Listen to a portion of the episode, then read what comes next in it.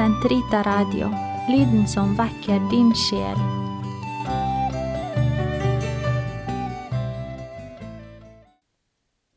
Den katolske kirkes katekisme, uke 36, tirsdag 6.51 til 6.58. Meningen med oppstandelsen og dens betydning for frelsen. Og er Kristus ikke oppstanden, da er vår forkynnelse uten innhold, og deres tro uten mening. Første kor 15, 14. Oppstandelsen utgjør fremfor alt bekreftelsen på alt det Kristus selv, selv gjorde og lærte.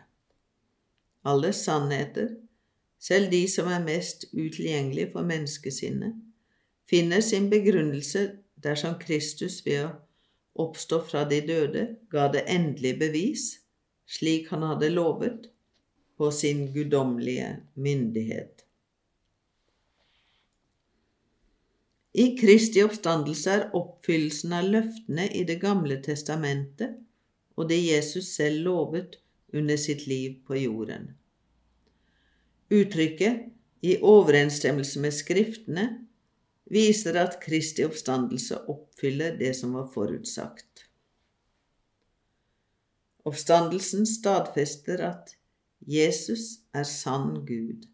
Han hadde jo sagt, når dere har hevet menneskesønnen mot det høye, da skal dere forstå at jeg er.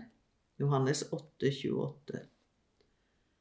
Den korsfestedes oppstandelse viste at han virkelig er Jeg er, Guds sønn og Gud selv.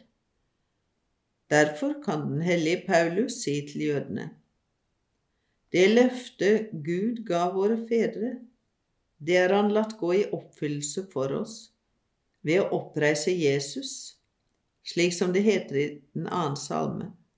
Du er min sønn, jeg har født deg i dag. Apostelgjerningene 13, 32, 33. Kristi oppstandelse er knyttet nært sammen med Guds sønns inkarnasjonsmysterium. Oppstandelsen fullbyrder inkarnasjonen etter Guds evige plan. Det er to sider ved påskemysteriet. Ved sin død setter Kristus oss fri fra synden. Ved sin oppstandelse åpner han veien til et nytt liv for oss. Dette nye liv er i første rekke rettferdiggjørelsen som på nytt gir oss adgang til Guds nåde, for at også vi skal leve og ferdes i en ny tilværelse på samme måte som Kristus ved Faderens herlighet ble oppreist fra de døde. Romerne 6,4 Det består i seier over syndens død og ny deltakelse i nåden. Det gjør oss til Guds barn, for vi mennesker blir nå Kristi brødre, slik Jesus selv kaller sine disipler etter oppstandelsen. Gå og si til mine brødre, Matteus 28, 10, Johannes 20, 17.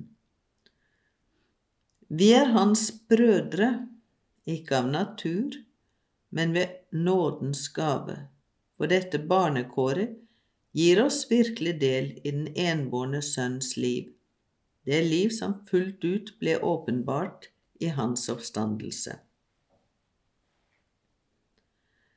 Endelig er Kristi oppstandelse og den oppstandende Kristus selv, årsak og utspring for vår fremtidige oppstandelse. Men nå er Kristus oppstanden fra de døde som livets førstegrødre blant dem. På samme måte som alle dør med Adam, slik får også alle livet tilbake gjennom Kristus. Første kor 15, 20-22. I påvente av denne fullbyrdelsen lever den oppstandende Kristus i sine troendes hjerter. I ham opplever de kristne kraften fra den kommende verden, hebreerne 6,5, og deres liv trekkes av Kristus inn i det guddommelige livs favn, slik at Det å leve ikke lenger skulle bety bare å leve sitt eget liv, men å leve for Ham som er død og oppstanden for oss. 2. kor 5, 15. Kort sagt oppstandelsestroens gjenstand er en begivenhet som både er historisk bekreftet av de disipler som virkelig møtte den oppstandende, og som samtidig er hemmelighetsfullt transcendent i den forstand at det dreier seg om Kristi menneskenatur som går inn i Guds herlighet. Den tomme grav og liklærne som lå på jorden, betyr i seg selv at Kristi legeme unnslapp dødens bånd og gravens forråtnelse ved Guds kraft, og forberede disiplene på å møte den oppstandende. Kristus, den førstefødte blant de døde, Kolosserne 1,18, er opphav til vår egen oppstandelse, allerede nå ved vår sjels rettferdiggjørelse senere ved vårt legemes levendegjørelse.